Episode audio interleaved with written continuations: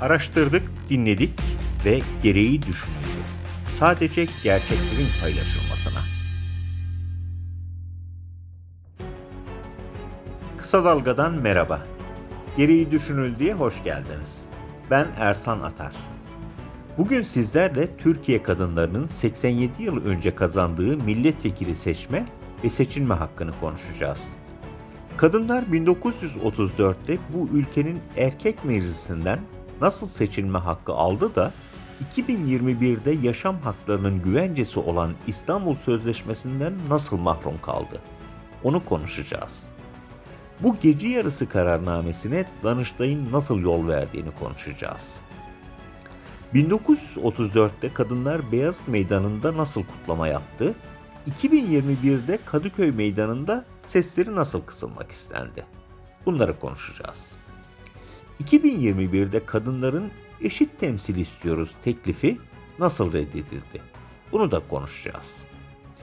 Konuklarımız İstanbul Sözleşmesi'nin fesli kararına karşı dava açanlardan Ankara Barosu'nun Kadın Hakları Merkezi Başkanı Avukat Ceren Kalay Eken ve kadınlarla erkekler eşit temsil edilsin diye kanun teklifi veren CHP'nin Hatay Milletvekili, Meclis Kadın Erkek Fırsat Eşitliği Komisyonu üyesi Suzan Şahin.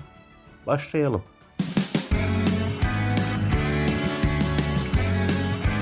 Oku, dinle, izle. Kısa Dalga.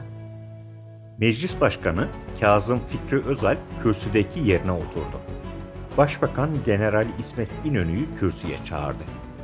Meclis Genel Kurulu salonu tıklım tıklım doluydu ve İnönü'nün seslendiği bu güruhta bir tek kadın bile yoktu.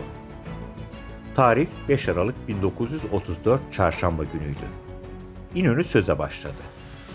Meclis Zabıt Ceridesi'nden aynen aktarıyoruz. Yüce Saylavlar, kadınların saylav seçmek ve saylav seçilmek hakkında sahip olmaları için yüce katınıza teklif sunuyoruz. Kadınlarımızın Türk tarihindeki haklı yerleri erkeklerle beraber daima memleketin ve milletin mukadderatı üzerinde söz ve tesir sahibi olmalarıdır. Arkadaşlar, Türk kadınının haklı olduğu yerden ayrılıp bir süs bitkisi gibi memleket işine karışmaz bir varlık gibi bir köşeye konması Türk ananesi değildir. Arkadaşlar yeni teklifimizde Türk kadınına bu hakkı bir lütuf olarak veriyoruz kanaatinde asla değiliz. Ve kimse bu kanaatte olamaz. İsmet İnönü meclis ceridesindeki ifadeyle sürekli alkışlar ve okay sesleriyle kürsüden indi. İnönü'den sonra milletvekilleri kürsüye çıktı. Konya mebusu Refik Bey, dün bir evin pırtısı gibi değeri küçültülen Türk kadını durmadan yürüyen, olgunlaşan büyük inkılabın bu atıma girmesiyle yepyeni bir acuna giriyor diye seslendi. Şebin Karahisar mebusu Sadri Maksudi diğer ülkelerden örnekler verdi. Bu hak Finlandiya gibi küçük bir memlekette bile var dedi. Manisalı Refik Şevket İnce, Türk Teşkilat-ı Esasiyesinde bir gedik vardı deyip anayasadaki eksikliğin tamamlanıyor olmasından bahsetti. Sivas mebusu İsmail Mehmet, Baylar, senelerden beri hizmet ettiğimiz padişahlardan biz bu hakkı isteseydik, Türk köylüsü, Türk kadını mebusluk hakkı isteseydi, mükafat olarak bizi ya ipe çekerdi ya denize atardı, diyordu. Birazdan Nezihe Maksudi'nin erkekler tarafından engellenen mücadelesini de anlatacağız. Önce şu anayasa değişikliğini yapıp Beyaz Meydanı'nda kutlayalım. Üzerinde bu şekilde müzakereler yapılan anayasa değişikliğinin oylamasına geçildi. Katip üye okudu. Teşkilat-ı Esasiye Kanunu'nun 10. ve 11. maddeleri aşağıdaki şekilde değiştirilmiştir. Madde 10. 22 yaşını bitiren kadın erkek her Türk mebus seçmek hakkına haizdir. Madde 11. 30 yaşını bitiren kadın erkek her Türk mebus seçilebilir. Başkan Kazım Fikri genel kurula sordu. Maddeyi onay bulanlar, bulmayanlar onay bulunmuştur. O güne dair her şeyi özetleyerek de olsa anlattık. Hakkını alan kadınlar iki gün sonra İstanbul'da Beyaz Meydanı'nda buluştu ve bu durumu kutladı. 8 Aralık'ta çıkan gazeteler bu mitingi şu başlıklarla duyuracaktı. Kadınların kutlu sesi. Dün yurdun her yerinde kadınlar bayram yaptılar, sevinçlerini yaydılar. Kadınların mitingi. Dünkü tezahürat 3 saat kadar devam etmiş, nutuklar söylenmiştir. Şimdi 7 Aralık 1934'teki Beyaz Meydanı'ndan neden bahsediyoruz? Biraz sonra İstanbul Sözleşmesi'nin feshini 2021'de Kadıköy Meydanı'nda protesto eden kadınların sesinin nasıl kısılmaya çalışıldığını anlatacağız da ondan bahsediyoruz. Şimdi siz soracaksınız. O zamanlar WhatsApp yoktu. Twitter'da yoktu. Bu kadınlar 1934'te bu kutlamayı bir günde nasıl organize ettiler? İşte Türkiye kadınlarının milletvekili seçme ve seçilme hakkı kazanmasının sırrı da buradaydı. Öyle kolay olmadı. Bu topraklarda bir Nezihe Muhiddin ve onun mücadelesine inanan kadınlar yaşadı. Nezihe Muhiddin ve onun arkadaşı Nezihe Muhiddin'in evinde kadın hakları için bir parti kurmalıyız dediler. 15 Haziran 1923'te de partilerin kurulduğunu ilan ettiler. Daha Halk Fırkası yani bugünkü CHP bile yoktu. Valiliğe başvurdular. İstanbul Valiliği seçim kanununa göre kadınların siyasi temsili mümkün değildir deyip partinin kuruluşuna izin vermedi. O zaman kadınların siyasi temsilini sağlamak gerekiyordu. Nezihe Muhiddin ve arkadaşları Türk Kadınlar Birliği'ni kurdu. İşte o Türk Kadınlar Birliği tam 11 yıl çalıştı ve az önce mecliste erkeklerin tezahüratlarla kabul ettiği milletvekili seçilme hakkını elde etti. Yani Türkiye kadınları öyle söylendiği gibi seçilme hakkını tepeden inme kazanmadı. Erkeklerin siyasetini hep zorladılar. Ama tabii o zaman siyasette kadınların hak mücadelesini 2021'deki gibi marjinal kabul eden erkekler de yoktu. 5 Aralık 1934'teki anayasa değişikliğinden sonra yapılan ilk seçimlerde 1935'te 17 kadın meclise girdi. Bu sayı 1936'daki ara seçimle 18 oldu. Oran mı istiyorsunuz? %4,5. Şimdiki oranımı soruyorsunuz. Aradan asır geçti, %17. Biz 1934 sürecine ilişkin sözü daha fazla uzatmayalım. Çünkü daha İstanbul Sözleşmesi karşısında bugün devletin tutumunu, temsiliyette eşitlik kanununun teklifinin nasıl reddedildiğini konuşacağız. Ankara Barosu Kadın Hakları Merkezi Başkanı Avukat Ceren Kalay Eken 1934 sürecini değerlendiriyor. 5 Aralık 1934'te Türkiye'deki kadınların milletvekili seçme ve seçilme hakları tanınıyor ve bu o dönem için oldukça ileri bir hareket. E, çünkü dünyanın e, özellikle çağdaşı olduğu e, ileri medeniyetler seviyesindeki birçok ülkede de olmayan bir hak birçok ülkeden önce Türkiye'deki kadınlara tanınmış oluyor. Ee, tabii bu hak e, elbette ki en önemli Atatürk devrimlerinden bir tanesi. Toplumsal hayatta kadının e, siyasi hayatta e, var olması e, süreci çok önemli. E, 1930 ve 34 yıllar arasındaki e, birçok düzenleme ile e, son olarak e, milletvekili olarak seçme seçilme hakkı e, gündeme geliyor. Fakat öncesinde belediye seçimlerine e, katılma e, ve hatta ilk, ilk belde başkanı kadın e, o yıllarda e, günümüzde e, seçilmiş oluyor. İşte muhtar olma, ihtiyar meclisine e, seçilme gibi haklar ve bunlar e, dediğim gibi o dönem için oldukça ilerici, devrimci, aydınlanmacı e, bir e, durum. Ee, şimdi o günlerden bugüne geldiğimizde aslında 2011 ve sonrasındaki İstanbul Sözleşmesi e, dönemi de e, oldukça e, önemli fakat şu an bulunduğumuz noktadan çok ciddi hak kayıplarına maalesef Türkiye'de kadınlar uğramış durumda diyebiliriz.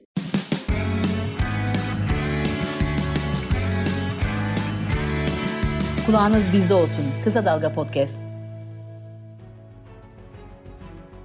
Podcast'imizin başından beri 1934-2021 deyip duruyoruz. Gelin o zaman sizi bu gelgitten kurtaralım. Bakalım 2021 ve biraz öncesinde neler olmuş. Mart 2021 gecesiydi. Ankara'da hava sıcaklığı 2 dereceydi. Dondurucu soğuklar geride kalıyordu. Sıcaklık mevsim normallerinde seyrediyordu. Ama o gece kan donduran bir şey oldu. Resmi gazetede bir cumhurbaşkanı kararı vardı.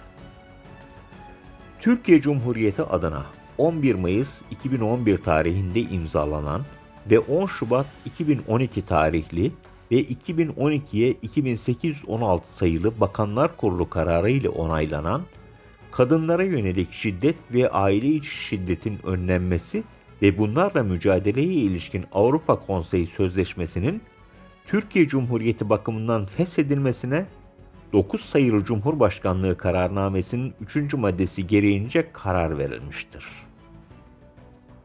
Türkiye'nin adını koyduğu, parlamentosunda onayladığı ilk ülke olmakla övünç duyduğu İstanbul Sözleşmesi feshediliyordu.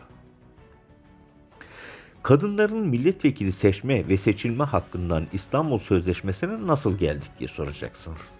Hakkınızdır. Bize göre sözleşme en başta kadının yaşam hakkını korumaktaydı. Haklar hiyerarşisinin en üst noktasında olan hakkını. Zaten bu nedenle podcast'imizin başlığında 1934'te tanınan seçilme hakkı, 2021'de tanınmayan yaşam hakkı dedik. Peki bu feshedilen İstanbul Sözleşmesi neydi? Sözü yine avukat Ceren Kalay Eken'e bırakalım. Sözleşmeyi Kalay Eken özetlesin. İstanbul Sözleşmesi neydi? Ee, kadına yönelik şiddet ve aile içi şiddetin önlenmesi ve bunlarla mücadeleye dair Avrupa Konseyi Sözleşmesi'dir.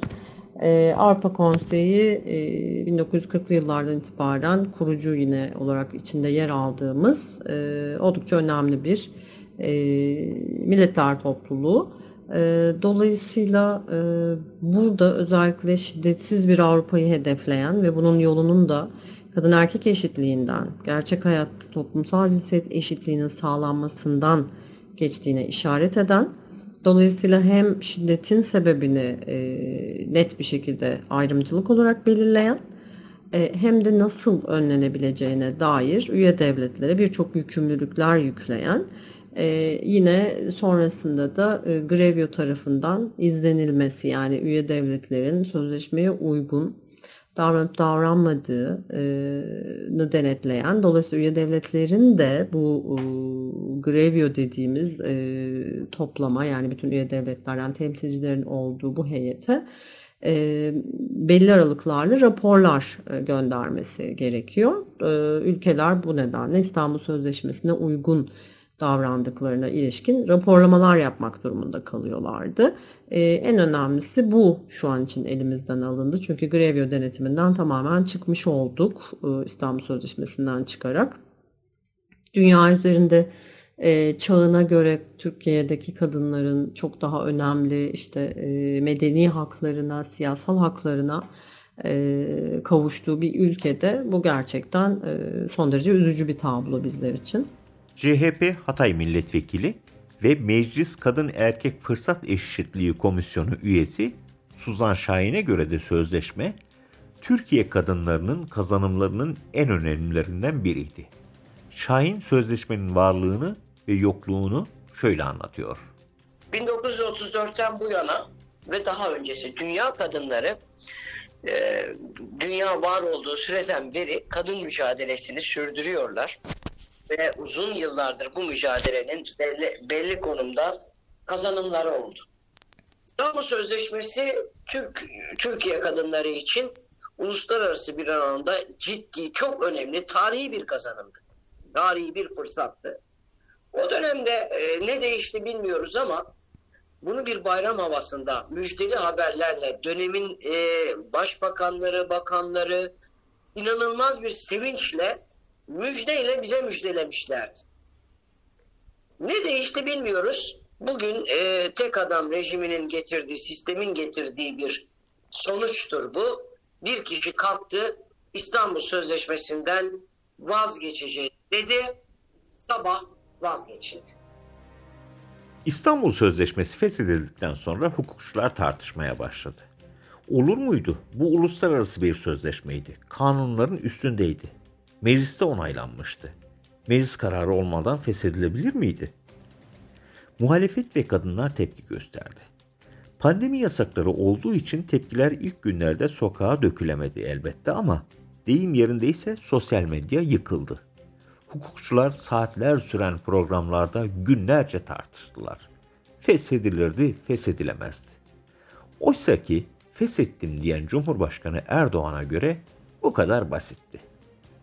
Erdoğan 26 Mart'ta yine bir cuma namazından çıkarken bu konunun kendisine sorulmasını istedi ve soruldu. Erdoğan cevap verdi. Dinleyelim. Arkadaşlar meclisin alacağı bir karar falan değildir. Muhalefet bu işleri bilmiyor. Bilse zaten böyle bir ifadeyi de böyle bir lafı da yapmazlar. Burada Cumhurbaşkanlığının attığı adım tamamıyla yasaldır ve bu attığı adımla da yoluna devam edecektir. Bunlar birçok şeyleri karıştırıyorlar. Yani bir defa uluslararası anlaşmaların altında mıdır, üstünde midir? Bunları konuşmak sadece havayı bulandırmaktan başka bir şey değildir. Ve biz bu kararımızı aldık.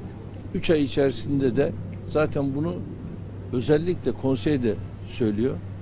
Üç ay sonra da bununla ilgili kararını onlar da açılacaktır, açıklayacaktır. Ve bizler de buradan çıkmış olacağız. Olay bu kadar basittir. Yani bu bizimle alakalı değil.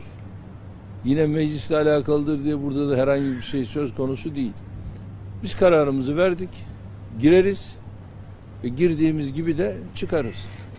Bunu kimse de ne önünü ne arkasını karıştırmasın. Ve çıkma kararını verdik. Kendilerine de durumu bildirdik ve bu işte böylece bitmiştir. Cumhurbaşkanı kimse bunun önünü arkasını karıştırmasın diyordu ama biz duramadık karıştırdık. Önce önüne bakalım. İşin önü Türkiye'nin sözleşmeye girdiği süreçteki anketlerdeydi. Türkiye sözleşmeyi 11 Mayıs 2011'de imzaladı. Bir ay sonra milletvekili seçimleri vardı. Yapılan anketlerde AKP'nin oy oranı %48 ile 51 arasında değişiyordu. Aslında bu oy oranı AKP'yi yine birinci parti yapardı ama asıl hedef başkanlıktı. Bu nedenle AKP için bir oyun bile bir önemi vardı. Meclise güçlü gelmeliydi. Hedef 400 milletvekiliydi. Bunun için de ehveli şer diyenleri de kaybetmemesi gerekiyordu. İşte İstanbul Sözleşmesi bu atmosferde imzalandı. Şimdi arkasına bakalım. Mart 2021'deki AKP ve Cumhurbaşkanı Erdoğan'a yönelik en önemli eleştiriler gereği kadar korona aşısı sağlanamaması ve pandemide devletin yeterince destek olamamasıydı. Bu ekonomik destek kıtlığı özellikle AKP'nin tabanındaki muhafazakar kesim tarafından dillendiriliyordu. Yani AKP'nin çekirdeği eriyordu. Bir şeyler yapmak gerekiyordu. Taban konsolide edilmeliydi. Zeminde hazırdı. İslami tabanlı siyasi partilerde ve cemaatlerde ve de tarikatlarda İstanbul Sözleşmesi'nden duyulan rahatsızlıklar dile getiriliyordu. Onlara göre sapkınlıktı bu İstanbul Sözleşmesi. Cumhurbaşkanı Erdoğan ve AKP'nin işte tam bu aşamada tabanını kenetleyecek bir adım atması gerekiyordu ve attı. Sözleşmeyi feshediverdi. İşte önü de arkası da buydu. Erdoğan'ın deyimiyle bu kadar basitti. İstanbul Sözleşmesi feshedildikten sonra ne oldu? Hukukçular Danıştay'ın yolunu tuttu, kadınlar da pandemi yasakları kalkınca meydanların yolunu tuttu. Hani yukarıda 1934'te Beyazıt Meydanı'ndaki sevinci anlatmıştık ya. Kadınların bu kez adresi Kadıköy Meydanı'ydı. Bu kez sevinç yoktu. Öfke vardı. Polis kadınların yanında getirdikleri megafonları alana almak istemedi. Yani kadınların sesi kısılıyordu. Sonunda kadınlar sloganlar atarak megafonlarıyla alana girdiler. Sözleşmeyi uygula dediler. susmayacağız dediler ve ses çıkarıyoruz dediler. Arkadaşlar ses çıkarıyoruz. Hakkımız olanı almak için ses çıkarıyoruz. Hayatlarımız için ses çıkarıyoruz. Kimliğimiz için ses çıkarıyoruz. Ve ses sistemimiz için ses çıkarıyoruz. Meydanlarda bunlar olurken kadınların sesi hukukçuların yolunu tuttuğu yargıda da kesiliyordu. Cumhurbaşkanlığı kararı durdurulsun, iptal edilsin diye açılan davalar Danıştay'daydı. Hani olmazdı ya bir umut. Sonuçta bu ülkenin bir kurumu değil miydi 87 yıl önce kadınların sesini dinleyip seçme ve seçilme hakkı tanıyan? Olur ya, yine bu ülkenin kurumu olan Danıştay, fesih kararını durdurdum deyiverirdi. Olmadı. Kadınlar inat ediyordu. Kararı idari yargının en üst makamı olan Danıştay İdari Dava Daireleri Kurulu'na götürdü. 13 yargıçtı bu kuruldakiler. Bir kadın vardı. Oran mı istiyorsunuz? %7.6. Bu kurulda tıpkı 10. daire gibi ne kadına şiddeti konuştu ne sözleşmenin neler getirdiğini. Anayasa 90 dedi, Cumhurbaşkanı'nın yetkileri dedi ve sonunda durdurmuyorum dedi. Bir kadın yargıç ve dört erkek yargıç diğer sekiz erkek yargıcı ikna edemedi. Böylelikle kadınlara 1934'te tanınan seçilme hakkından daha üst sırada olan yaşam hakkı güvencesi tanınmamış oldu. Avukat Ceren Kalay Eken, Danıştay'ın kararını Cumhurbaşkanı'nın yetkilerini de hatırlattıktan sonra şöyle yorumluyor. Anayasamıza göre temel e, insan hak ve özgürlüklerine ilişkin değişiklikleri e, Cumhurbaşkanı kararnameyle belirleyemez. E, dolayısıyla Cumhurbaşkanı'na milletler arası sözleşmelere e, imza koyma ve imza çekme yetkisi verildiği iddia edilse dahi anayasanın diğer hükümleriyle çeliştiği e, ve yanı sıra uluslararası teamüller gereği bir e, uluslararası sözleşme nasıl yürürlüğe konuyorsa e, ülkede aynı yöntemle e, yürürlükten kaldırılması gerekmesi şeklindeki birçok ulusal ve uluslararası hukuka aykırı, hukuken aslında tamamen hukuka aykırı ve kabulü mümkün olmayan bir şekilde makam kararıyla ve çok üzücü ki bir gece yarısı, cumartesi gece yarısı e, kararıyla e, ülkenin imzasını geri çektiği sözleşmeden çekildiği ilan edildi. E, biz tabii hukukçular olarak bunu yok hükmünde görüyoruz. Tam olarak da öyle. Fakat Danıştay'ın e, yürütmeyi durdurma kararı vermemesi e, bu hukuka aykırı e, makam kararının iptaline yönelik taleplere ve çok sayıda da hem e, şahsi hem e, kurumsal e, birçok başvuru oldu. Çünkü bu e, kimsenin, Cumhurbaşkanı'nın dahi keyfi şekilde e, temel hak ve özgürlüklere ilişkin düzenleme yapamayacağı bir alan. Kadınların yaşam hakkını en başta koruyan bir e, uluslararası sözleşme e, çok çok kıymetli. E, dolayısıyla e, kabul etmiyoruz. Yine de yasal hakkımızı kullanarak Danıştay'da davalar açıldı.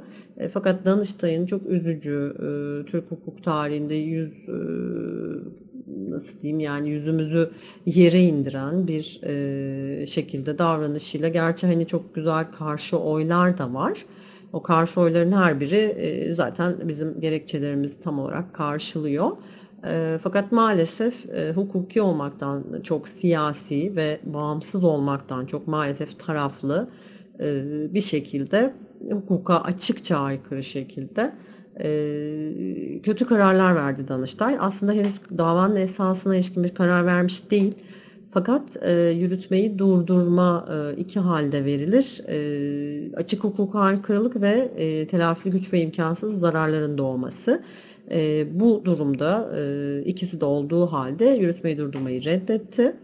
E, bu redde itiraza götürdük e, büyük daireye ve maalesef e, onlar tarafından da e, itirazımız reddedildi. Dolayısıyla hani e, esas hakkında yani dava sonuçlanmış değil fakat e, Danıştay'ın tavrı açık hukuka aykırılığı görmeme yönünde siyasi bir tavır maalesef. Kadınların yaşama hakkı yürütmede ve yargıda böyle korumasız kalırken meclise bir yasa teklifi verildi. Öyle ya, meclis değil miydi 1934'te kadınların seçilme hakkını alkışlarla tanıyan? Bu yasa teklifinin konusu eşit temsiliyetti. CHP'li kadınlar partilerin genel başkanı Kemal Kılıçdaroğlu'na gittiler ve dediler ki 5 Aralık öncesinde kadınlar için bir şey yapalım. Eşit temsiliyet kanunu için teklif verelim. Kılıçdaroğlu hazırlayın getirin ilk imzayı da ben atacağım dedi. İlk imzayı da attı. Teklife göre siyasi partiler seçimlerde milletvekili adaylarının sayısının yarısını kadınlardan, yarısını erkeklerden oluşturacaktı. Öyle kadınlar seçilemeyecek sıralara da yazılmayacaktı. Fermuar sistemi getirilecekti. Yani aday listesinin birinci sırasında erkek yer alıyorsa, ikinci sırada kadın, üçte erkek, dörtte yine kadın aday olacaktı. Oylama 30 Kasım'da yapıldı. Yani geçen hafta. Kabul edenler, kabul etmeyenler, meclisteki oturumu yöneten başkan AKP ve MHP sıralarını saydı. Kabul edilmemiştir.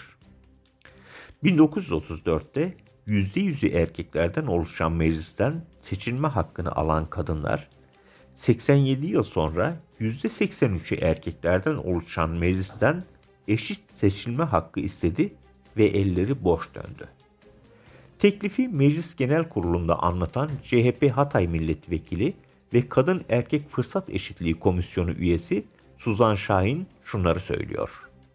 Bugün e, böyle bir İstanbul Sözleşmesi'nin de feshedilmesinin ardından böyle bir teklif bütün 42 milyon Türk kadınına iyi gelecekti.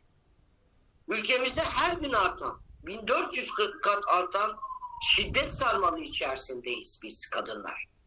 Taciz, tecavüz, her geçen gün hunharca öldürülen kadınlar var. Kadın cinayetleriyle karşı karşıyayız. Her sabah yeni bir kötü habere uyanıyoruz. Moral motivasyon açısından da çok önemliydi. Bu bizim hakkımız. Türkiye'de 84 milyon insanın %50'si hatta 50'den bir nebze fazlası kadın nüfusu. Seçmenin de öyle. 42 milyon kadın ve ya %50 seçmeni olan bir ülkede temsiliyette %50 kadınlar temsil edilmiyor. Mecliste, belediyelerde, diğer il genel meclislerinde seçimli olan her yerde. Neden? Bu hakkımızı teslim etmek istemediler. Bu bir iç iradedir. Bilinçaltıdır. Yani aslında e, AK Parti iktidarının, iktidar mensuplarının gerçek düşüncesi. Kadınla erkeği fıtratında eşit bulmayıp bu kadın ve erkek eşit değildir söylemlerini yapan bir iktidarın kararıdır. Efendim örtüsüz kadın perdesiz eve benzer. Yok efendim mini etek giyen tahrik ediyor. Hamile kadın sokakta yürüyemez. Gülmek kadın e, gülmemelidir vesaire gibi birçok söylemlerini hatırlayabiliriz sanırım. Bu hatırladıklarımıza baktığımız zaman bugün eşit temsili kabul etmeyenlerle İstanbul Sözleşmesi'nden vazgeçenlerin hangi iradeye sahip olduğunu 42 milyon kadın bilmelidir. Suzan Şahin sözlerinin devamında eşit temsiliyet kanunu çıkarabilseydik dünyada ilk olacaktık. Ama hayır dediler diyor. Ve ekliyor. Asla hiçbir kadınımız merak etmesin. Bu sandık gelip iktidar değiştiğinde İstanbul Sözleşmesi'nin de tarafı olacağız, eşit temsil sistemini de getireceğiz diyor. Ve gereği düşünüldü diyoruz. Kadınlara 1934'te seçilme hakkı tanındı ama 2021'de yaşam hakkı tanınmadı.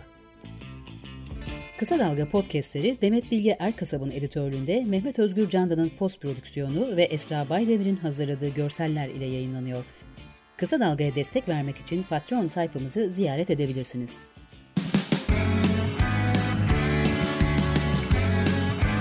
Oku, dinle, izle. Kısa Dalga.